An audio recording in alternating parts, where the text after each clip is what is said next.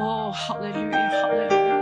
Vet du hva jeg hører Den hellige ånd si? At eh, jeg vil trekke sløret til side i dag. Til side. Gud vil gi oss kunnskap og visdom og åpenbaringsånd i erkjennelsen av Han. På en helt ny måte. Kanskje vi har bare sett litt inn i det. Men Gud ønsker virkelig å ta sløret vekk fra vårt indre øye. Så vi virkelig kan vandre i Hans lys. Sånn som Gud er lys. Halleluja, halleluja. Å, halleluja, halleluja. Vi bare ærer deg, pappa Gud, Hellige Ånd. Halleluja, halleluja. Takk, Jesus. Takk, Jesus. Halleluja, halleluja. Takk, Jesus. Takk, Jesus. Takk, Jesus. Å, halleluja. Takk, Jesus. Takk, Jesus. Å, Jesus, Jesus. Det som jeg skal preke om i dag, jeg må si at det, det har gått igjennom mitt hjerte, og, og, det er ikke alt jeg har forstått heller. Og jeg tenker det at vi ser stykkevis og delt. Og det sier Bibelen.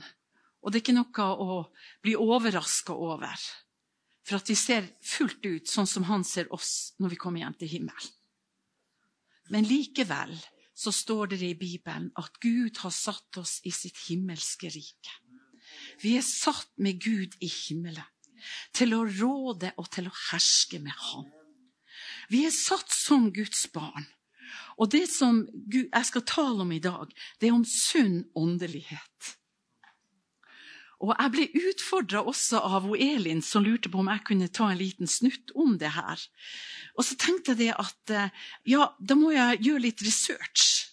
Så jeg ringte en par pastorer og ledere og venninner og venner og spurte hva mener dere om sunn åndelighet? Nei, det er så mangt. Ja, det er så mangt. Er det ikke det? Og du vet at, og jeg sa til Gud at da må jeg få vite hva er sunn åndelighet. Og vi kan se på usunn åndelighet kontra sunn åndelighet. Men likevel så er det viktig å ta Skal jeg ta fram noen sånne små snutter?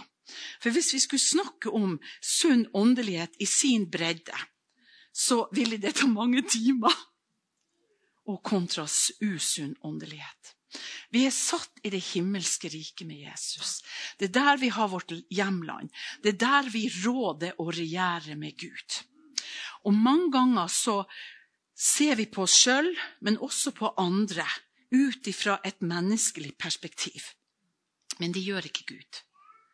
Herren ser oss ut ifra en helt annen posisjon.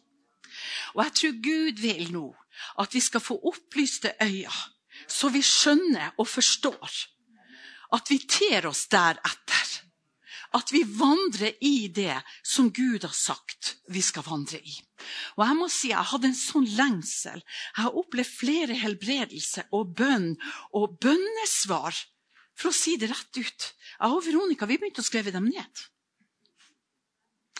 For det står i Bibelen om at vi skal minne Herren på hans godhet. Og du vet at Hvis vi glemmer Guds godhet, så glemmer vi også hvilken posisjon vi er satt i. For da ser vi bare fra her nedenifra.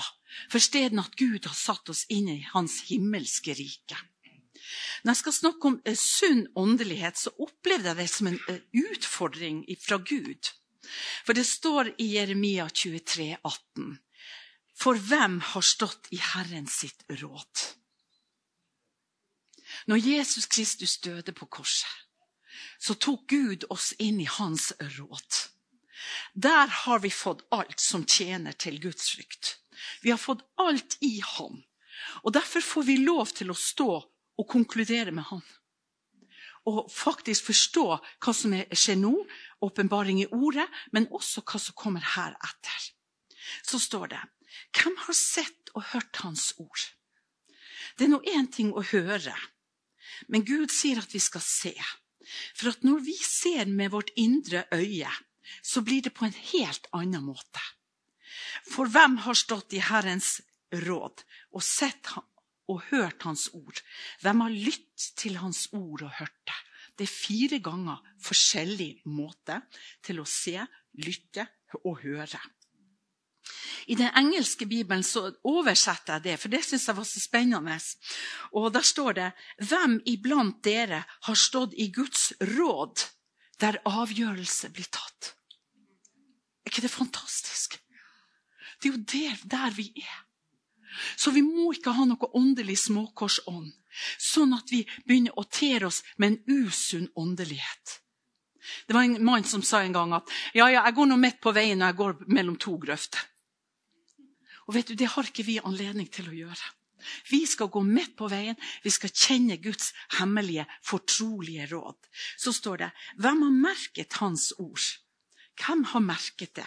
Og jeg tror når vi blir merka av Guds ord for å kunne leve i sunnhet, så står det videre på det engelske Hvem har observert og lagt nøye merke til det, altså ordet?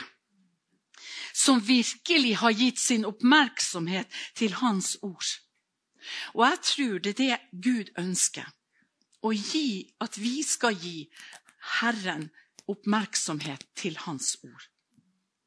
Så står det 'og som virkelig har hørt det'. For det er nå engang sånn at det øret har hørt, flyter munnen over med. Så hvis, hvis, vi virkelig hører Guds ord, så vet vi at vi er satt i en posisjon i Hans himmelske rike. Da taler vi ut ifra det vi har hørt, og ut ifra det vi har sett. Og dette kommer til å bli krig på i disse dager. Jeg taler profetisk. For dette er det noe som Satan hater. Han vet at vi er satt i hans fortrolige råd. Han vet at vi er satt i himmelen med ham. Han vet at dette legemet er tempel for Den hellige ånd. Han vet det, og derfor prøver han alt og han kan for å ødelegge det som står imellom disse to permene, nemlig Guds ord. Egentlig så er Guds ord det som kalles for absolutter. For det er absolutt. Det er ingenting foran, og det er ingenting bak. Så når vi lever i Guds ord, som er absolutter, og vi vet med, med oss sjøl at det er der vi er, så kan vi begynne å gjøre det som Bibelen har sagt. Vi skal gjøre under og tegne og mektige gjerninger. Vi skal vekke opp de døde. Vi skal gjøre ting. Vi skal gjøre en forskjell her vi lever. Men vet dere hva? Vi må begynne i menigheter. Hvis vi ikke begynner i menigheter, på hjemmebane Jesus sa at vi skulle holde oss i Jerusalem før vi gjorde noe annet og sprang rundt omkring. Så Derfor tenker jeg, hvorfor er det så lite kraft i dag? Fordi det er så mange som neglisjerer menigheten. Det er så mange, mange som har satt seg utenfor menigheten og sier jeg klarer meg helt godt alene. Og vet du hva, det er løgn. For da lever vi ikke i de absoluttene som Gud har bestemt. Når vi går ut av disse absoluttene, så er vi med en gang et råd for djevelen. For å si det rett ut. Og da nytter ikke det hvor mye vi kan sitere ordet, hvis vi går utenom Guds absolutte og Guds ord. Jeg har lyst til å lese videre det som står i Jeremia. Og her står det Her står det i Jeremia 23. For hvem har stått i Herrens råd og sett og hørt Hans ord? Hvem har lyttet til Hans ord og hørt det?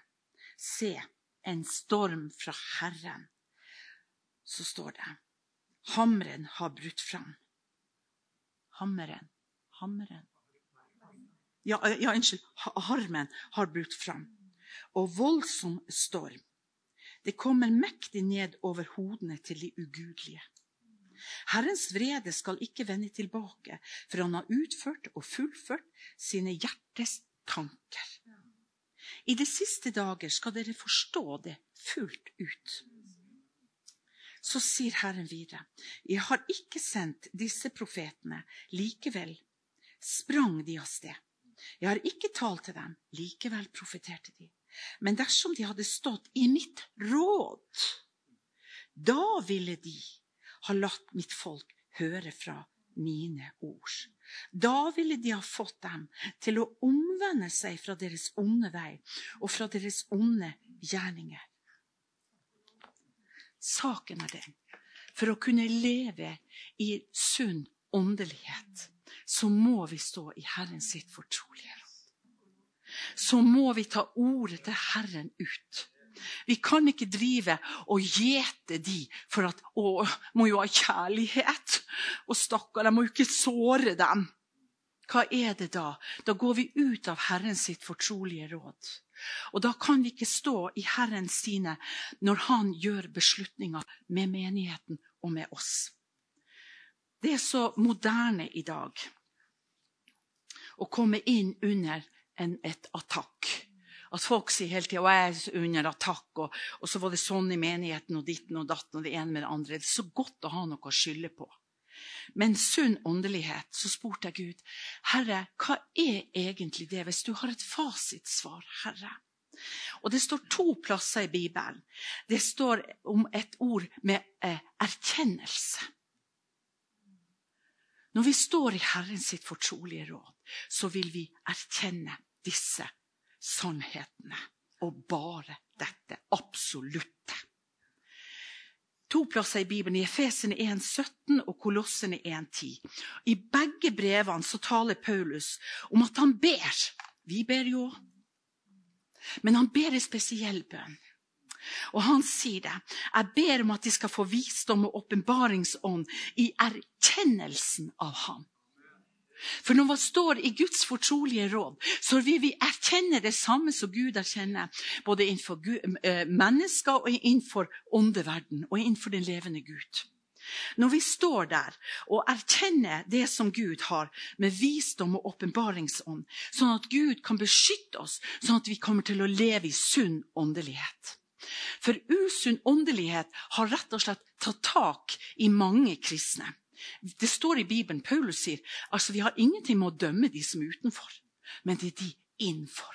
Men du skjønner, vi er så feige. I hvert fall jeg at mange ganger har vi problemer med å si det som Herren har sagt i sitt fortrolige råd. Det som Gud sier i ordet. For vi ønsker så gjerne å være grei. Og da kan vi ikke rose oss over at vi står i åpenbaringskunnskap, i erkjennelsen av Ham. Erkjennelse det er en virksom hvor vi vinner kunnskap. Og Bibelen sier jo den kunnskapen som Gud vil gi oss, det er en åpenbaringskunnskap. Det er jo ikke hva som helst. Om man har gått så mye på akademika og det ene med det andre, spiller keine rolle. Den åpenbaringskunnskapen som Gud vil gi oss, det er når vi har tatt et valg om å leve ut ifra disse absolutter og kunne forkynne det til andre, at vi er satt i det himmelske riket med Gud. Vi har de samme rettighetene som Jesus har. Vi er, vi er ikke annerledes. Vi er Guds barn. Jeg var på et eh, kvinnemøte en gang, og så, så, var det noen amerikanske damer som hadde kommet dit. Og vi var jo i fyr og flamme. Og hva de av åpenbaring over dammen. Så vi bare sitra vet du, når de gikk fram og spilte, og de, og, og de sang. Og de, og de hadde så mye på repertoaret. Men etterpå så ville de be. Og da tenkte jeg å, så flott. Ja, å, jeg står i kø, jeg også. Så sto ei venninna mi foran. Og idet de begynte å be for henne, så bare falt hun bak. Så tenkte jeg, wow, var kraften så stor. Så begynte hun å si, for Gud er din mor. Nå skal jeg være din mor. Og det er jo her i Norge ikke så lenge siden. Og så begynte hun å stryke over, stryke over brystene og over. Jeg tenkte, det er jo greit at kvinnemøter, men hun får nå være måte på. Og så begynte hun å si ja, for Gud, han er mor. Åh. Og så Når Gud er mor, så kan han liksom, så kan du forstå ham bedre. For du skjønner, Gud er allviten, og, og nevnte bibelvers og alt mulig. og, og, og sånne ting. Da tenkte jeg for meg selv I dette rommet står jeg ikke. Min Gud står ingen plass om at han er en harry livmor. Det står at Jesus kalte han for far. Og han er ingen mor.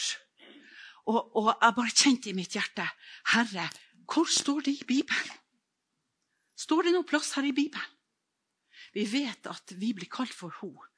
Også, vi er jomfru, og vi er Kristi brud. Men det står ingen plass at Jesus sa 'kjære mor'. Han sa til mora og søstrene så sa han, 'Hvem som er mine mødre og, bødre, bø, mødre og, og, og brødre?' Det er de som vil følge meg. Og du vet at når jeg sto der så tenkte jeg hva i verdens rike var det der? Så spurte jeg venninna mi etterpå hva var det snakk om at, at Gud var mor. Og, ja, det var så fantastisk. Og, hun så bibelord og, og Gud er mor. Så sa jeg det er fra avgrunnen, det der. Det har ingenting med Gud å gjøre. Og det er ikke så lenge siden. Dette er blitt veldig anerkjent i landet vårt. Dette er usunn åndelighet som har kommet inn i midt iblant oss. For at vi damer skal få litt krusning og en følelse av at Gud kanskje kjenner oss litt bedre siden vi er kvinner. Og det har kommet inn via kvinnemøter.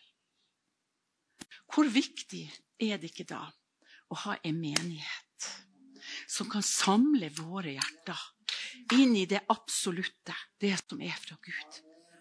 Den venninna mi som lå der og sprella, for å si det rett ut, og var så glad for at Gud var mor, hun sa etterpå oh, jeg fikk en dårlig følelse etterpå.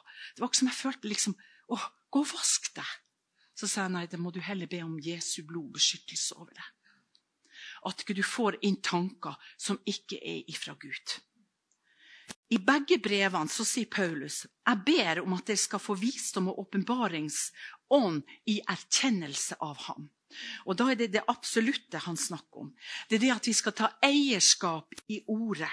I erkjennelsen av Herren hviler det også en kraft, en forståelse av Guds ord. Og Når vi kjenner det som det absolutte, så vil Gud komme med kunnskap og visdom og åpenbaringsånd. Det vil vi kjenne igjen i hverandre. Og når vi kjenner det igjen i hverandre, så vil vi også kjenne fruktene i hverandre. Vi vil også kjenne noen av de dårlige fruktene. Og jeg tror Gud vil om at vi skal komme i ånden. At vi er så var i ånden at vi virkelig er satt i det himmelske rådet med Gud. I hans fortrolighet. I Efesene 1,17 så står det Jeg ber om at vår Herre Jesu Kristi Far, nei, Herlighetens Far, må gi dere visdom og åpenbaringskunnskap i erkjennelsen av Ham. Og at deres forstandsøyne Vi trenger disse forstandsøyne for å kunne leve sunn åndelig. For hvis vi mister blikket Det står i Bibelen hvis eh, det blir mørkt i våre øyne, hvor mørkt blir ikke da mørket i oss? Vi trenger virkelig den lampa i våre åndelige øyne til å kunne gå og faktisk se hva som er kommet inn i vårt eget hjerte i løpet av tida. For at vi kan hele tida komme tilbake til plassen der Gud har gjort fullbrakt verk på korset. Verken mer eller mindre. Der er vi i det absolutte. Og der står det sånn at forstandens øyne kan bli opplyst, slik at dere forstår hvilket håp dere fikk ved hans kall, og hvor rik og herlighet hans arv er blant de hellige. Vi skal leve i Guds herlighet her på jorda fordi vi er satt i det himmelske med Han. Og så står det og for å forstå hvor overveldende kraft det er. Gud vil gi oss guddommelig forstand til å være sunn åndelig, til å skjønne at Gud har sagt vi skal vekke opp de døde. Og ikke bare si 'kanskje'. Og hvorfor skal det skje ting i Afrika og ikke her? Jeg har sagt det her, nei, misunnelig. Fordi, Men vet du hva Gud sa til meg da? Da sa Herren, fordi at du nemlig skal forstå den kraften som er så overveldende stor når vi vet at vi vet at vi bor i det absolutte med Gud. Sånn at virksomheten av denne kraften kan gå igjennom oss. At den kan være der. At vi ikke bare må hente, noe, eh, si, hente Herren ned, eller opp eller ned. Men han er jo nært oss i vår munn og i vårt hjerte. I erkjennelsen av Han er det en også åndelig navigering, en kraft ifra Gud til å gå rett på veien. Og vi kristne trenger faktisk å bli oppjustert. Jeg trenger det. Rett og slett. Gud sa til meg Anie, du trenger å bli kalibrert. Rett og slett etter denne boka her, etter Guds ord. Fordi at når man reiser rundt i landet som vi gjør, så møter vi jo på ting og tang. Vi møter på ord. Det virker så flott. Sier du det? Ja, mm, akkurat. ja. ja. Så du har fått åpenbaring på det? Ja, mm, akkurat. ja. Jeg har ei venninne som sa til meg kan du gå inn på Facebook. Men jeg hadde jo ikke Facebook. Så sa jeg kan du fortelle hva som er sagt der. Ja, den personen den er på TV, og sånne ting. Og nå har han sagt at vi trenger ikke brødsbrytelse lenger. Fordi at å ta den lille brødbiten og så en liten slursk, hva har liksom det med Gud å gjøre? Det var jo bare et symbol. I stedet skal vi møtes til å ha gode matbord sammen. Sitte med en åpen bibel og, og fortelle om Gud og, og, sånne ting. For det andre, det, det var jo bare et symbol. Og så er det det stikk motsatte som står i Bibelen. Hæ? Så, og, og, da er det noen faktisk pastorer og ledere som er blitt hekta på det der. De legger ned menigheten for at nå skal de bare komme sammen rundt et bord og fråtse og spise og snakke om Gud. De skal ikke ha menighet lenger, de skal ikke ha hyrde lenger. Og alt Dette Dette skjer i landet vårt. Og det har vært lenge under overflaten. Dette er usunn åndelighet som vil ta kverken på Guds folk. Når det står i Bibelen når dere kommer sammen til dette minnemåltidet, så skal dere ikke komme sulten. Vi skal nemlig spise hjemme. For at vi ikke skal gjøre skam på Kristi legeme og blod. Og her er det akkurat det motsatte. Og så blir de forført! Hva er det for noe? For at vi skal dikke dikke dikkens med folk. For vi skal sitte og høre på eventyr. Derfor er det usunnhet kommer inn. Derfor må vi ha det absolutte. At vi sitter i Herrens sitt fortrolige eh, råd. At vi virkelig vet hva Gud har sagt, og hva Gud har gjort. Så står det i Kolossene 1. Der står det på en litt annen måte. Men det står at han Paulus ber der òg. Så sier han at dere kan vandre verdig for Herren. Fullt være til behag for han, Kolossen 1.10. Ved at dere bærer frukt i all god gjerning. Og så kommer det og vokser i erkjennelse av ham, av Gud. Når vi bærer mye frukt, vi kan se om vi faktisk vokser i erkjennelsen av Gud. Da er vi fruktbærende. Vet du hva jeg sa til Gud? Herre, gi meg nåde til å bære frukt. Og jeg gråt når jeg satt med Herre. Herre, jeg tror jeg har litt lite frukt i mitt liv. Og jeg bare satt og gråt og ropte til Gud. Sa Gud, hva kan jeg gjøre for å bære mer frukt? Vet du hva Gud sa? Tro på meg og mitt ord. Det var det eneste jeg hørte. Så gikk jeg på tur. Så sa jeg til Gud, ja, og tro på deg og ditt ord. Det er det som er fruktbærende. Og vi kan ikke ta oss til å bære åndens frukter, for det kommer ved ånden. Usunn åndelighet ser vi også at det ikke det bærer frukt. Det blir nedfallsfrukt, det blir råttenhet, det blir stank. Så siteres frukten her i Kolossene 1. Så står det med tålmodighet, langmodighet og glede. Halleluja. Har kristenfolket tålmodighet? Når vi står i kø. Når noen tar parkeringsplassen vår som vi har stått og venta på lenge. Evig langmodig, som betyr egentlig at frukt av kjærlighet er blitt foredla inni oss. Evig glad. Kjære alpakka. Jeg må si Gud har tatt meg i lurven når det gjelder de her tingene. For det er de tingene som viser oss at vi skal vokse i erkjennelse av Gud. For hvis vi ikke vokser i erkjennelsen av Gud, så vil heller ikke tålmodighet, langmodighet og glede være det som skal være med på å bære oss inn for Faderen. Jeg takker Far, så står det i Bibelen videre, som har gjort meg i stand til å få del i lyset. Og Herren minte meg om at den erkjennelsen der, det gjør sånn at vi vandrer i lyset. Fra herlighet til herlighet, fra kraft til kraft, fra herlighet til herlighet. Erkjennelse øker ved kunnskapen og visdommen i ham. Erkjennelse bevarer oss i lyset. Det gjør sånn at vi bærer god frukt i gode gjerninger ved at vi i alle ting lever i Guds vilje. Jeg ber ofte den bønna Gud, la meg leve i din vilje. Skje din vilje i himmelen så òg på jorden. Jeg glemmer jo aldri når jeg sa til Gud i fjor Å, Herre, har du et ord til meg, Herre? Nyttårsaften og greier og greier. Og jeg bare våkna tidlig på morgenen, og jeg kjente Guds nåde var i rommet. Og jeg sa, har du et profetisk ord, Herre?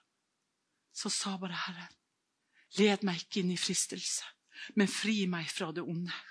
Jeg tenkte ja, det var nå litt av et ord, Herre. Men vet du hva, i en og en halv måned våkner jeg med det ordet. Led meg ikke inn i fristelse, men fri meg ifra det onde. Og vet du hva? Etter at jeg bare begynte å be denne bønna, så sa bare Herren, for at kjødet er villig. Og si, Ånden er villig, og kjødet er skrøpelig, mente jeg å si. For vi har et kjødelig skrøp, et kjødelig eh, skrøpelighet, om vi vil det eller ikke, så lenge vi bor på denne jorda.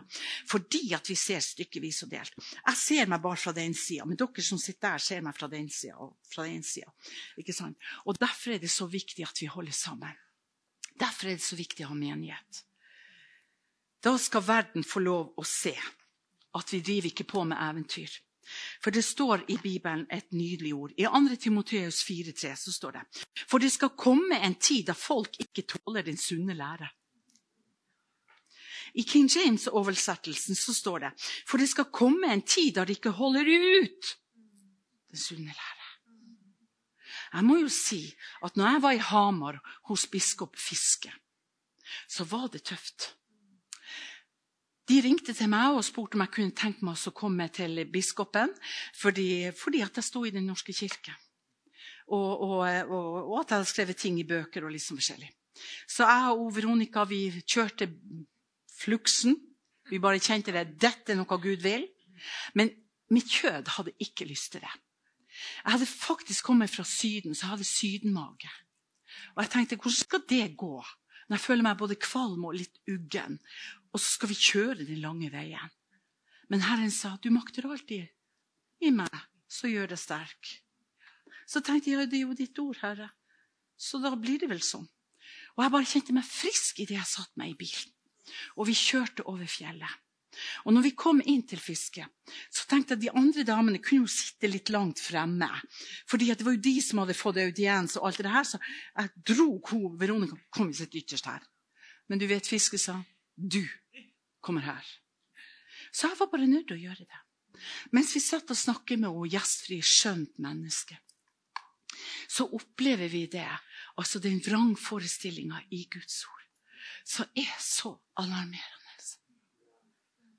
Og, og det her er offentlig, så jeg sier det. Og det som skjer, og så når hun begynner å beskrive Jesus som kvinne tar fram et lite greie som hun hadde kopiert av et stort bilde hun har hjemme. Dette indikerer altså en kvinne som henger på korset, med masse gjøremål rundt, liksom, rundt korset. da. Og så sier hun det at Men hva vet du om han var en mann? Hva vet du om, om, om eh, han var svart eller hvit? Hvorfor har de i Sør-Amerika en kvinne? Hvorfor har noen her? Og hvorfor har jeg lyst til å ha en kvinne? Og hvorfor tror du noen ville ha en, en sort Jesus og en hvit Jesus? Så sa jeg dette er menneskelig. Dette er kjødelig. Og så begynte hun å snakke og snakke. og snakke. Så sa jeg bare en liten digresjon. Så sa jeg fiske. Biskop. Så sa jeg i min bibel så står det at Jesus er jødenes konge.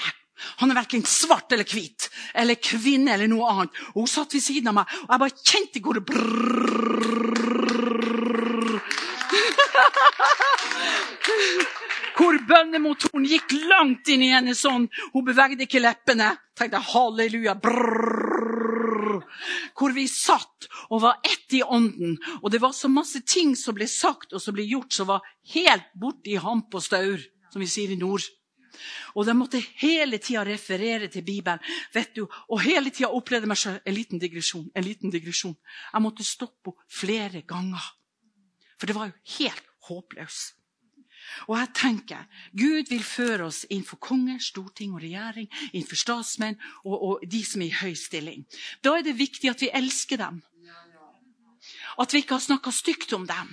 For hvis Gud vil sette oss der plutselig Vi har snakka skit om kongen, og plutselig så står vi der. Nei, huff da. Jeg har visst en høy baktalelse inni mitt hjerte. Forsteden at vi bare velsigner. Vi velsigner. For at det er den velsignelsen som gjør sånn at Gud åpner vei for konger. Ser du en mann som er dyktig i sitt arbeid, han skal tjene for konger. For du skjønner det, Dyktigheten kommer ikke av annet enn at vi har vært i det fortrolige råd med Herren. At vi har en sunn åndelighet som gjør sånn at vi har beina planta på jorda. Og at vi er her, men at vi har vårt hjemland i himmelen. At det er der vi staker ut vår kurs, og ikke fra det vi ser. Som pastor Jarl sa, så sa han det. At Gud er god. Gud er med, uansett hva som skjer her på jorda. For du skjønner den vrangforestillingen som man får hvis man, hvis man skader seg eller krasjer eller et eller annet skjer, eller et eller annet, så tenker man hvor er Gud hen? Gud er med hele tida. Hele tida. Hele tida.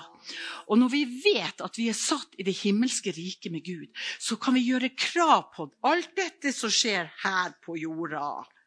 Og hvis ikke vi er sunn åndelig, så blir vi nå sittende der. Huff, hvor trist. Tenk hvor grusomt det ene med det andre. Økonomisk eller hva det nå måtte være. Men når vi vet at Gud er med oss her, uansett hvordan vi har det, så vet vi det, at da har vi den åpenbaringsånd i erkjennelsen av Jesus Kristus, vår Herre, som gjør sånn at det gir oss lovlig rett til å ta det til å bøye det i Jesu navn, til å drive det ut. Og jeg må bare si Herren har talt til meg når det gjelder sunn åndelighet. At vi Guds barn skal bli så kapable at når vi merker usunn åndelighet, så skal vi ikke bare høre lusa på gangen. Hufta, hufta, tør jeg å si det i dag. Da skal vi avsløre det med en gang. For hvis vi ikke kan avsløre det midt i menigheten, hvor i verden skal vi da ha autoritet til å gå ut i den døende verden og avsløre noe som helst? Når det er sunn åndelighet, må vi også våge å si hva som er usunn åndelighet. Jeg leser en gang til 2. Timoteus 4,3. For det skal komme en tid da folk ikke lenger tåler den sunne lære. King James-utgaven. For det kommer en tid da de ikke skal holde ut den sunne lære, men etter sine egne lyster hope seg opp lærere, og det er etter hva som klør dem i øret. De skal vende sine ører bort fra å høre sannheten. Vi har det absolutte i Guds ord. Og det er den sannheten som vi virkelig skal hegne om så står det de skal venne seg til eventyr. Men vær du på vakt i alle ting! Oh! Vi er nødt til å være på vakt. Vi kan ikke sove og dingle bort tida. Vi må faktisk være parat, alle mann alle. Og du vet at eh, En av sønnene til Adam han sa til Gud når, når han hadde drept broren sin, er vel jeg min bror sin vokter, da? Du skjønner, vi er det nemlig. Vi, Gud vil at vi skal hjelpe hverandre, styrke hverandre. Og vi skal være til hjelp midt i menigheten. Og Det er derfor Satan vil ødelegge og radere menigheten. Fordi at da er vi løsgjengere, hele gjengen. Jeg sa til eh, fisken så sa jeg til henne, si meg en ting. Hvis du klarer å stoppe dette stykket om at Jesus er trans, så kommer du til å skrive i historiebøkene. Men ikke bare her på jorda, men i himmelen. Og så sa jeg noe som jeg tenkte må jeg springe eller må jeg ta veska med meg. Så sa jeg hvis ikke, så blir det der nede. Jeg vil ikke bruke ordet helvete, for det er ikke åpent ennå. Men hvis ikke, så ville det ikke bli skrevet i himmelen. Men da sa hun jeg har bestemt meg, siden ikke vi vet om Gud er mann eller kvinne. Og kan jo være trans. Han er jo begge deler. Så det er jo derfor det stykket har fått sånn stor publicity. For Gud er kvinne, og Gud er mann.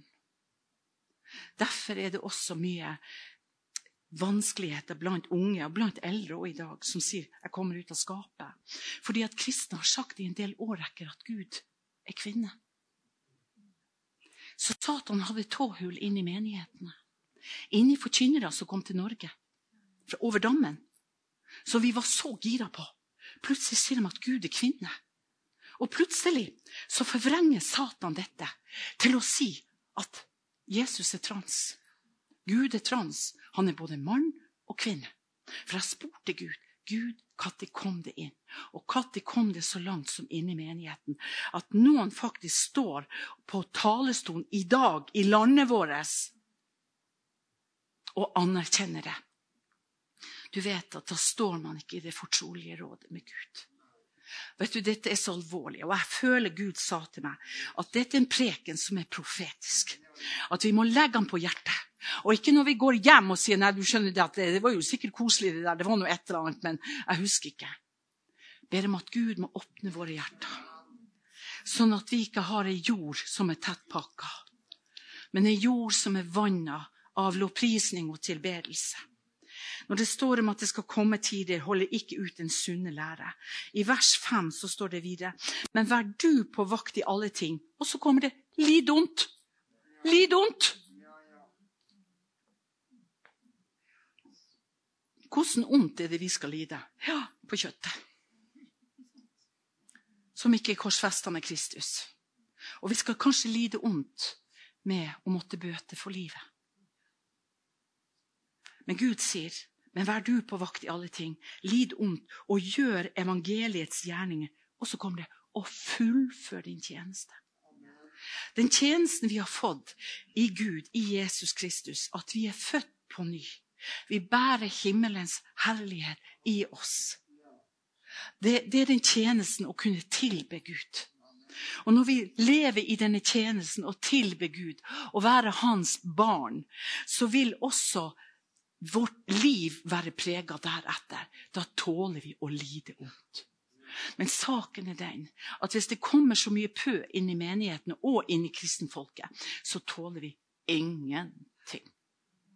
Jeg må jo si, når jeg har fått det så ørene har flagra, så har jeg tenkt for meg sjøl Jeg tror ikke jeg gidder mer å være predikant her. Nei. Jeg tror jeg begynner med noe annet. Eller jeg kan i hvert fall være hjemme. Jeg har god grunn til å være hjemme og inne. Men det er egentlig det. At jeg har fått meg en, en liten nesestiver. Paulus sin terme for åndelighet er faktisk Guds betroelse. Guds betroelse til oss. Det å kunne leve i sunn åndelighet. Det at Gud betror oss sitt rike. At vi lever i det himmelske riket. Vi lever ikke i noen andre termer. Vi lever ut ifra Guds ord. Ved at vi lever i erkjennelsen i våre liv daglig. At jeg forteller hvem jeg er. Når det virkelig det har gått nedover, og jeg bare kjenner kjære Herre, nå føler jeg meg rufsete og tuvsete så sier bare Herren til meg, 'Hvem er du, Anje?' Ja, du veldige kjempe. Så står jeg der bleik og trasig. Så bare taler jeg ut liv over mitt ord, som står i Bibelen. Intet ondt skal ramme den rettferdige. Og så ser jeg meg helt shabby. Men vet du hva? da lar jeg de indre øynene få lov å lyse. De som er i den himmelske verden. Sånn at vi kan se oss i Guds perspektiv. Bibelen gjør det ting klart for oss når jeg sier det er absolutter, det er ufravikelig. Og I Filippen 1,9 så står det, det at vi skal få evne Det står om at vi alle skal få evne til å skjelne. For når vi står i det fortrolige råd med Gud, og når vi lever ut fra disse sannhetene, så står det, det at vi skal få alle evne til å skjelne. På den måten kan vi dømme om stort og smått. Sunn åndelighet er noe som vi får når vi blir født på ny. Og det syns jeg er så godt. Og likevel, hør her, så speiler vi oss i andre. Om vi vil eller ikke. Både positivt og negativt. Og Derfor er det viktig at vi virkelig ser oss inn i dette speilet som Gud kaller. At han har gitt oss et speil. Vi ser litt dunkelt. Men en dag skal vi se klart sånn som han ser oss. Men vi har fått et speil som speiler oss i en annen dimensjon. Som gjør sånn at vi blir attraktive innenfor den levende Gud og innenfor hverandre. Jeg må jo si, når jeg kjente jeg kom inn døra her, og Jarl bare sto der og ba Vet du hva, Det begynte å boble inni meg. Jeg bare ropte Gud. Å, kjære Jesus. For å si det rett ut. Tenk hvis alle menigheten var sånn. Og det sier jeg også for at jeg er litt inhabil. Men jeg sier det også for at hjertet mitt fryda seg. Det hoppa når jeg kom inn. Rett og slett hoppa. Og jeg tenkte ro deg ned. Hm, ro deg ned. Ikke sant? Men egentlig så hadde jeg bare lyst til å På grunn av at jeg kjente den nærværet av Gud. Sunn åndelighet er, som jeg sa, vi speiler oss i hverandre. Eh, vi kan ta oss sammen, men det nytter ikke. Før snakka vi veldig mye om helliggjørelse. At det er prosesser og det ene med det andre. Så egentlig så sier Bibelen at vi skal vokse i nåde og kjennskap til Gud. Men av og til så går jo kristenfolk ett skritt frem og to tilbake. Og det er for at vi ikke har den erkjennelsen ut ifra vår munn. Gud vil at vi skal erkjenne ut ifra vår munn det som står her. Det står i Bibelen om at vi ser alle som i et speil i en gåte. I Filippene 4. Da skal vi se ansikt til ansikt. Nå forstår vi stykkevis. Da skal vi erkjenne fullt ut, slik Gud kjenner meg fullt ut. Jeg tror vi skal få lov til å få kjenne mye mer fullt ut enn vi har gjort per i dag. Rett og slett. Jeg tror Gud pusser speilet. Sånn at vi får se det klarere og klarere. Vi ser ikke i en gåte.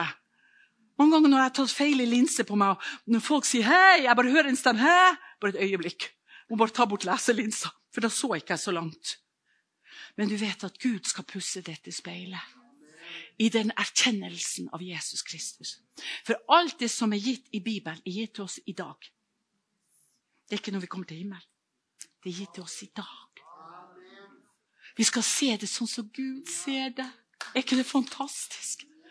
Og vet du, Jeg har en sånn lengsel etter å få lov å se det på den måten, sånn som Gud ser det.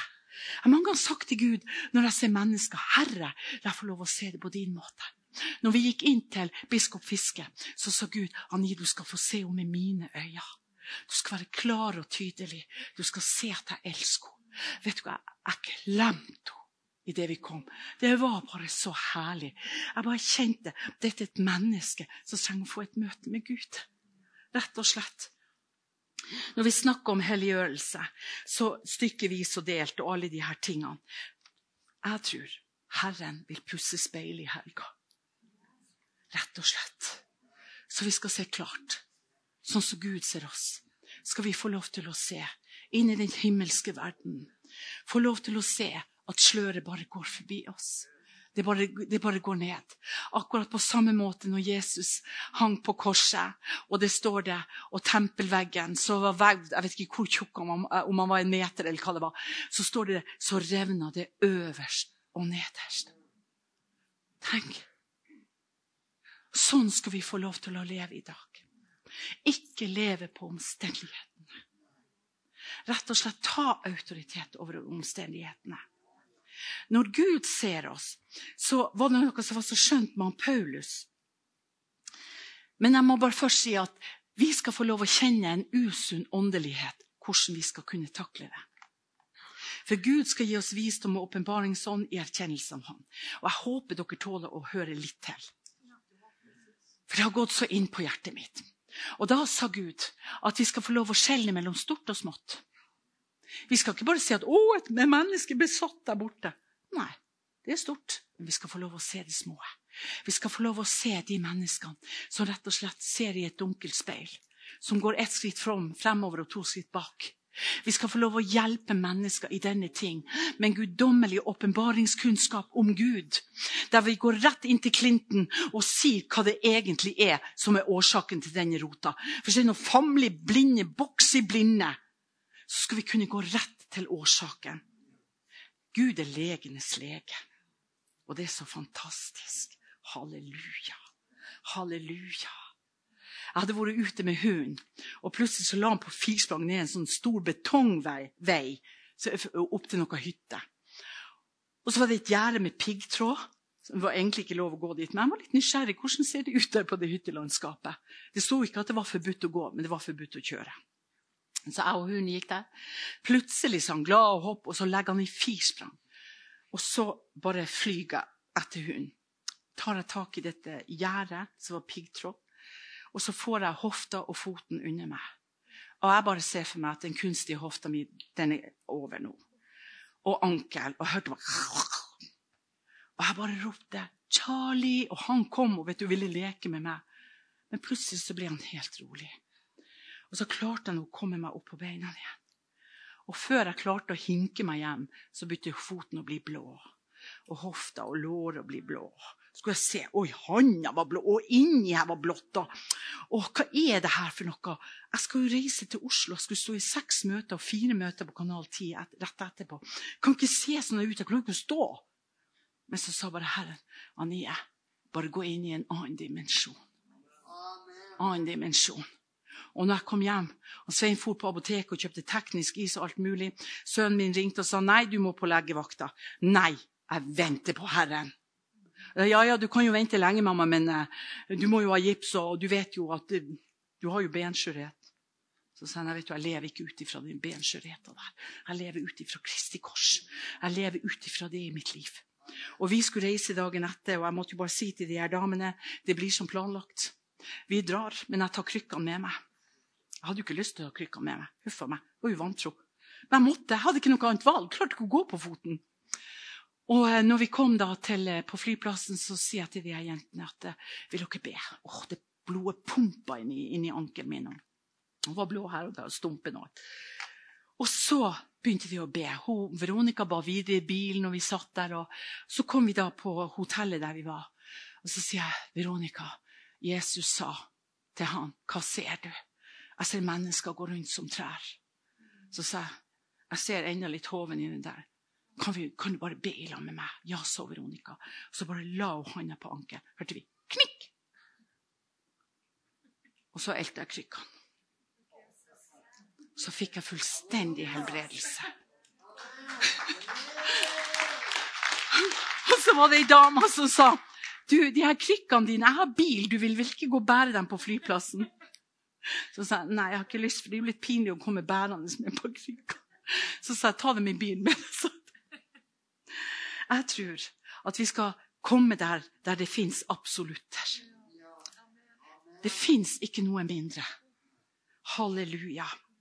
Og når det står i Galaterne 1,15 Han fikk sitt kall til folkeslagene. Det har vi jo fått. Vi har fått vårt kall til folkeslagene. Paulus han gjorde seg avhengig av disiplene, selv om han hadde fått mye større åpenbaringer. Han kunne ha sagt en skryt og det ene med det andre, og det gjorde han ikke. Fordi Gud stolte på ham. Han hadde vært i det fortrolige rådet med Gud. Og det er mange ganger sånn, så kan vi ikke si alt til Kreti og Preti. Spesielt dem som er fulle av vantro. Om det er kristne. Fordi at det kan skje noe. Hvorfor fikk Paulus beskjed hos Gud? Dette skal du ikke tale om. Og hvorfor fikk disiplene Peter, Jakob og Johannes beskjed hos Jesus når han ble åpenbart på fjellet? Dette taler dere ikke om, for at jeg kommer tilbake. De forsto det ikke, men han kunne stole på dem at de holdt snavla. Og jeg tror at Gud vil gi oss sånne åpenbaringer som folk faktisk ikke klarer å ta imot. De vil bare forkaste det. Og da skal vi holde det tett inn til våre hjerter. For det er sånne ting vi har fått i det fortrolige råd med Herren. Det er noe som ligger der framme, så vi bare venter på oss å bli åpna. Og vi er klar når Gud er klar. For vi har vært der allerede. Det er ikke sånn at de sier 'Hups, var det Gud, eller var det ikke Gud?' Å nei da. Vi skal vite når Herren er på banen, for da har vi vært der. Og vi bare vet at vi er parat, alle mann alle. Vi står sammen i menigheten og bare sier, 'Herre, dette er noe som jeg bare har fått hos deg.' Sunn åndelighet er å være avhengig av hverandre på rett måte. Søsken i Herren. Samtidig som Paulus fikk sitt kall, så sa han det. Da rådførte jeg meg ikke med kjøtt eller blod. Men det betyr ikke det at vi ikke skal være åpne med hverandre. For Gud satte i menigheten de forskjellige nådegavene og tjenestegavene. Hvis ikke vi er i menigheten, så er det ikke samklang mellom oss og Guds ord.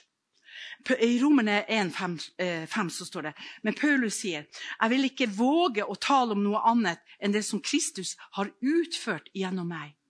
Å føre hedningene til lydighet. Så kommer det ved ord vi må bruke ordet. Ved gjerninger og ved kraften, i under og tegn, ved åndens kraft. Her er det vi kristne skal skjelne. Hvilken ånd er det? Denne kraften kommer fra. For hvis ikke vi er sunn åndelig, så vil vi ikke kunne skjelne hvor åndens kraft kom ifra. Da vil de gjøre alt. De vil bruke ord, gjerninger, de vil ha kraften, de vil ha tegn, de vil ha under. Men ikke ved åndens kraft, med en annen ånd. Profeten Jeremia han forteller om at folket har falt ifra Gud. Og det er jo det som har skjedd i dag. På grunn av at de, de hadde bevart det religiøse uttrykket. Å ja da. Det er jo det man gjør i kirka overalt. Opp og ned. Og alt det her. Bibelen blir lest, og alle tingene. Et religiøst uttrykk blir brukt blant forskjellige eh, kristne. Og så er det egentlig bare en død tro. Og det var det Jeremia sa. Saken var den at Jeremia begynte å gråte. Og jeg tror det kommer en tid over våre liv der rett og slett vi må gråte. Det var en dag jeg hulka og hylte sånn at han Svein kom fra det lille kontoret og sa 'Går det bra med deg?' Så sa jeg 'Bare bra'. Så sier han 'Har du veldig vondt?' 'Hva er det som har skjedd?' Så hadde jeg allerede sittet og snufsa og alt mulig. Så sa jeg 'Nei, det har ikke skjedd noe med meg'. Så sa jeg hva er det? Jeg hører du hyler jo. For du hadde grått ifra min ånd. Jeg tok meg i papiret og bare hulkegråt. Jeg var så Gud. Så sa jeg bare jeg bare prater med Herren. Så sa jeg, jeg føler liksom at lovsangen har stilna litt. Vet du hva han sa? Du sang jo i sted. Du sang jo i dysjen. Ja. Det religiøse kan bli. Alt det kan være så fint og flott. Det var det Jeremia sa. Alt var på plass. Men den intime lovsangen og tilbedelsen med Gud, det som vi hadde her i sted, det var den som måtte komme på plass i våre hjerter. Og det var den jeg gråt av. Så gir Gud Jeremia et løfte for Israel, eh, men også for den kommende slekt, nemlig hyrde. Og da så jeg plutselig tre bunn i Jeremia. Det var ikke som Gud åpna laget. Først sa Gud til Jeremia jeg vil gi dere en hyrde etter mitt hjerte. Vet du hva? Det var David som kom som en hyrde. Nummer to kom Jesus. Han er vår hyrde. Og så kommer det pastor og lederskap i menigheten. Hvis den bunn nummer tre ikke får lov å være, så kan vi heller ikke klynge oss til verken David, altså Gamle testamentet, eller Jesus. Da går vi utenfor vår bane. Det var jo Noen som sa også i Bergen at de, de, skulle eh, lage en stiftelse i stedet og ikke ha menighet. Men det står ingen plass i Bibelen. Så skal jeg møte stiftelsen. Uansett om det er kanskje et litt moderne ord for å, å slippe litt skatt og litt sånn forskjellig. Når det er en stiftelse. Men Herren sier det tydelig og klart. Jeremia 23, 23,4. Det gjelder vår tid. Jeg skal sette hyrder over dem, som skal gjete dem de skal ikke frykte mer eller bli skremt, og ingen av dem skal savnes. For det er det som er i verden i dag. At når djevelen får noen si, barn til å savne, til å gå på viddene rundt omkring her, ha litt sånn åndelig shopping, helt til de havner ut på en helt annen vidde enn veien på Gud. Og det er det djevelen ønsker, at man skal ha sånn shopping. Og så står det de skal ikke frykte mer eller bli skremt, og ingen av dem skal savnes. Det finnes får som er spredt for denne tiden, for alle vinder. Som faktisk ikke har en hyrde. Som faktisk er vanskjøtta i dag. Og jeg tenker med biskopen og flere andre som kristne som jeg har møtt, som forvrenger Guds ord korset som jeg sa, og Jesu mor, og lager bilder og sier at det er historie som har vært. Når vi vet at ordet er levende, virkekraftig, og det blir det vi nevner, så kan jo ikke vi si at det var bare en historie. Det var bare en sånn idé for at vi skal liksom skjønne litt mer av Bibelen. Sunn åndelighet syns jeg er så herlig når det står om Jesus. Vi kjenner verset veldig godt i Matteus 4,4. Der Jesus siterte fra 5. Mosebok 8,3, der han sa når han møtte djevelen Halleluja, det er så herlig. Så sa Jesus, det står skrevet. Mennesket lever ikke av brød alene, men av hvert ord som går ut av Guds munn. Så uansett Jeg sa til søsteren min hun var nyfrelst. Du kan jo begynne i første Mosebok og, så, og, og i Matteus og, og, sånn. Så sa hun Uff, jeg var jo bare krig og elendighet. Og så kom jeg til Matteus, så var det bare slektstavler. Så sier hun men, men jeg forstår ikke så mye ut av det. Ikke bry deg. For det er ord som er gått ut av Guds munn. Og en dag så vil det være der som en kraftkilde i ditt liv. Og jeg må si at Hun hadde en sånn autoritet og en sånn mildhet på samme tid før hun gikk hjem til Herren og var frelst i ti år, at det var helt enormt. Hvis jeg trengte et ord fra Gamle Testamentet eller fra Bibelen, så ringte jeg til henne. For av hvert ord som går av Guds munn. Det er ikke bare snakk om det vi liker. Og det var det Jesus sa til djevelen. At hvert ord som går ut av Guds munn, lever vi av. Vi kan se åndelig falskhet som prøver å ligne Bibelen, som er med på å reflektere det åndelige, men som ikke har ånden fra Gud i seg. Men vi skal være med på å reflektere eller eh, bære Guds herlighet her på jord. Vi skal være med på å avsløre at ikke det kommer noe fra en annen kilde. Vi er ansikt utad, oppad og innad. Hvis ikke vi har de der tre delene der i ordet, at vi til, eh, eh, si, hengir oss til Gud, og at vi har Den hellige ånd, så kan vi ikke knytte sammen i en ånd. Og Det er derfor mange kristne i dag ikke er ett i ånden. For de lar ikke rett og slett sitt ansikt gå oppover, innover og utover til hverandre. Vi har behov for hverandre i dag. Vi kan ikke stå alene. Eh, det står i Bibelen om at, at hva, hva, det sto der at vi, vi, er, vi er kjent brev. Lest og kjent av alle. Ikke skrevet med penn eller blekk. Vi er ikke kjødelige. Men vi er skrevet på en kjøtttavle med Guds ord. Men med Guds levende ånd, står det på en kjøtttavle. På at Gud faktisk er interessert i denne kroppen her. Det er der det er skrevet. Og det er der òg vi huser. Vi huser ikke bare i vår ånd, men i vår kropp, i vår sjel, i vår vilje, følelser og alle ting som vi gir til Gud. Når vi kjenner igjen Guds skrevne ord, så forsvinner ikke åndens enhet iblant oss. Da blir vi glad, vi blir nysgjerrig på hverandre, og vi elsker hverandre, og vi vil bare ha det. Hvis ikke, for å si det litt stygt Hvis vi ikke bevarer åndens enhet og sitter i det fortrolige råd, så danser djevelen på bordet. Og jeg tror han har fått så mye innpass i forskjellige menigheter, i forskjellige mennesker.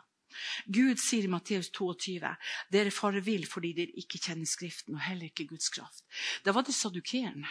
De begynte å diskutere er det et liv etter døden eller ikke. Nei, det er ikke et liv. Vi skal, vi skal leve som en sånn der, eh, bare formidle over til hverandre som sånn kritt nesten. Eller, eller, så har vi det godt her på jorda. Vi, vi er hellige, så vil vi komme en eller annen plass. Men Jesus sa til sadukerene så sier han dere fare vil, fordi dere ikke kjenner Skriften og heller ikke Guds kraft. Vi kan ikke berømme oss med Guds kraft hvis vi ikke kjenner Skriften. For ordet, når det blir tatt på alvor, så kommer samfunnet til å bli forandra. Når dere blir forandra, så blir samfunnet forandra. Plutselig kommer det nye lovendringer. Det kommer vik fra normene. Det skapes et stigma. Og jeg tenker den stigmaen er den gruppe i verden som skaper sjøl. Den stigmaen der om at de har lyst til å være litt annerledes, det kommer inn i menigheten. Men Bibelen sier at vi er ett. Vi speiler oss i hverandre og i Gud. Vi er make. Alt det vi har, er make, uansett høy eller lav, ung eller gammel. Har vi fått det fra Gud, så er vi identisk med, med Herren. Men her skapes det et sånt stigma i denne verden. Og dette kommer inn i menigheten. Ja, men de må jo få lov til litt, og de må jo få lov å tenke sjøl, og de må jo det og det og det. Vet du hva? Det er farlig. Det er et stigma som verden hele tida. Det er når folk er misfornøyd med seg sjøl, at de må gjøre noe annet som skiller dem ut ifra noe annet. Vi har vært i menigheter der det har vært så pompøst og så flott og kjent at her er det lite ydmykhet og lite salvelse fra Gud. Og det har vært tøft. Jeg, jeg, jeg syns det er vondt å si det, til og med. Jeg har ikke lyst til å si det om brødre og søstre, men det er det som har vært sannheten. På grunn av at de har tatt imot noe for å være grei. Det gale blir kalt for rett og omvendt.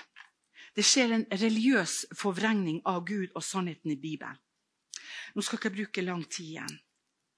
Men det er også noe som heter attributt.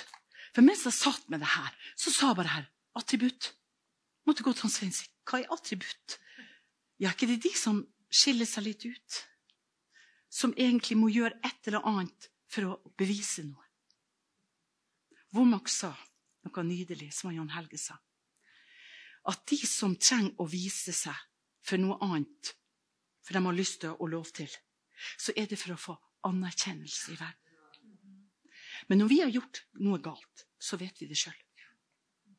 Vi har Guds ånd i våre hjerter, som kjenner dybden, høyden og lengden og bredden i Gud.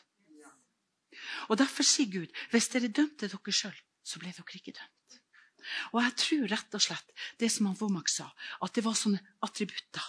Og det er jo det som skjer når de går i tog. Det er jo for å, å, å, å få oppmerksomhet, som, som han Womack sa. Men vet du hva? Vi trenger ikke oppmerksomhet. Verken hos hverandre eller hos Gud. Jeg husker det var ei dame som alltid sa når jeg hadde preka. Det var den beste preken! og det var som bare Hun hang på meg. og vet du hva, Til slutt så sa jeg Tino stille med deg. Jeg følte det var bare smisk og tull. Og så sa ja, men jeg, jeg, mener det. Ja, ja, du mener det. Du sier det hver gang. Slutt å si det der tøvet der. Så sa jeg vet du hva, jeg trenger ikke anerkjennelse fra mennesker. Jeg trenger anerkjennelse fra Gud, Den hellige ånd. Og jeg tror det er der vi kristne må komme. At vi er åpne og gjennomsiktige for en tid som denne. Som Paulus sa, jeg dømmer ikke de som er utenfor, men de som er innenfor. Men likevel så skal vi få lov å bedømme på Guds ord det som er utenfor. At vi kan si det som er sant. Mye usunn åndelighet hindrer gjennombrudd og vekkelse. Rett og slett. For da blir det kjøttkraft. Følelser, synsing og menigheter bor i det emosjonelle. Det er det siste jeg skal si. For hvis vi blir så emosjonelle at vi går forbi faktisk Guds ord, så kan vi gå på viddene før vi vet ordet av det. Og Derfor sier Herren til oss at Gud han er full av overbevisning. Han har en åndelig virkelighet som vi kjenner sannheten som absolutt. Og når vi bærer det absolutte i oss, og ikke stoler på våre følelser som kan gå opp og ned ettersom, at sinnet vårt går i forskjellige retninger, men at vi virkelig sier som Gud Gud, jeg vil være som en by som er bygd på fjellet. For det står om en annen by, så står det i Salmos ordspråk 25-28. Som en ødelagt by og en nedrevet mur er en mann som ikke kan styre sitt sinn. I en annen bibel så står det 'som ikke kan styre sine følelser'. Vi skal ikke være som en nedrevet mur. Vi skal ikke ha emosjoner som skal være med på å gi, eh, gi oss reaksjoner og utarme Guds ord. Vi skal rett og slett, uansett hvordan det går, så skal vi bare holde sannheten høyt oppe. Gud er med. Gud er med. Gud var her. Gud er med. Og vet du, Herren sa, når mitt folk, som er kalt med mitt navn, ydmyker seg, søker meg og ber, som Paulus sa, hva ber vi om? Vi ber om å få åpenbaringskunnskap i erkjennelsen av Han. Så vi kan være et folk som reiser oss for en tid som denne. At vi vet at menigheten er viktig. Usunn åndelighet krever å bli styrt av følelsene og emosjoner. De er spektakulære. De ønsker å gjøre noe stort og noe flott. Se på meg! For stedet å se på Gud. Og Derfor er det mange holdt på å si, Guds barn i dag som har falt fordi de så ikke på dem lenger. De oppdaga det.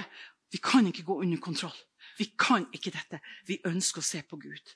Desperate folk venter på en desperat vekkelse og higer etter den.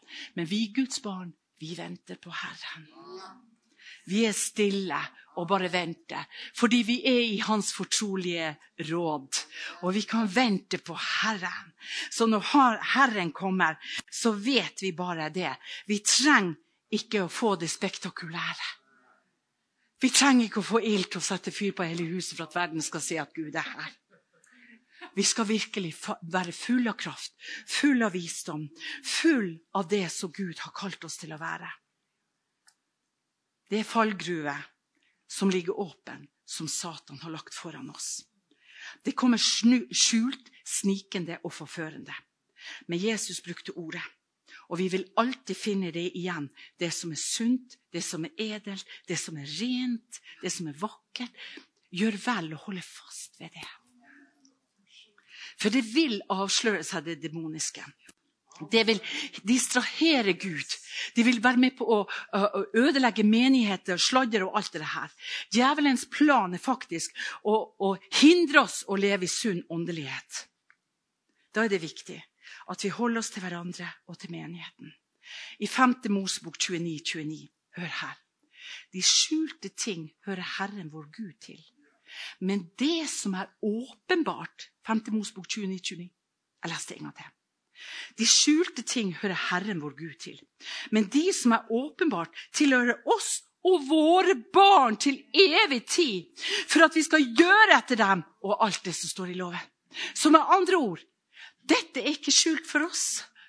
Dette er åpenbart for oss, og Gud vil åpenbare det. Det er et ordtak som sier i bønnen Vi ber ikke for å informere Gud. Når Herren sa til meg, 'Hva tar du meg for?' Vi ber ikke for å, å, å informere Gud, vi, men vi ber for å involvere Gud. At vi har ham og ham i oss. Amen i Jesu navn. Himmelske Far. Jeg bare takker deg, Gud, for ditt såkorn, Herre. Jeg bare ber om at det skal gå ned i et godt og vakkert hjerte. Jeg bare ber Gud om at du kalibrerer oss etter sannheten, ditt ord. Jeg bare ber Gud om at du nøye, Herre, lager dine lyder, Herre Jesus, som er i ordet, Herre. At vi ikke hører etter noen andre stemmer, Herre, eller at vi ser på noe annet, Herre, så hindrer oss å se i din fullkomne lov, Herre. Vi bare ber himmelske Far om at du metter oss med ditt ord, Herre. Du lar oss få lov til å stå i det fortrolige rådet, Herre. Der du har din bankett åpen hver eneste dag, Herre. Der du har satt, satt oss, og du har sagt at vi skal sitte ved ditt bord og ete dine nydelige retter. Herre, vi bare priser deg, Gud, for menigheten og alle som er her, Herre.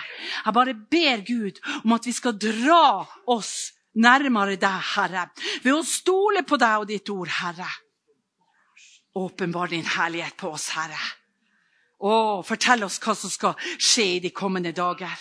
Som Moseboken sier, det som er skjult, får bli skjult. Men det som du vil åpenbare, er for oss og våre barn. For at vi skal holde hele denne boka tett inntil vårt hjerte. Og gjør etter den, Herre. Og vi bare tilber deg, Gud, Herre. Halleluja, vi tilber deg. Vi tilber deg Pappa Gud, Herre, du er vår far, Herre. Du er ikke mor. Herre, du er hodet for menigheten. Halleluja! Og du er menigheten og har den som din øyensten. Bare takke deg, pappa Gud. Vi bare priser ditt hellige navn. Amen.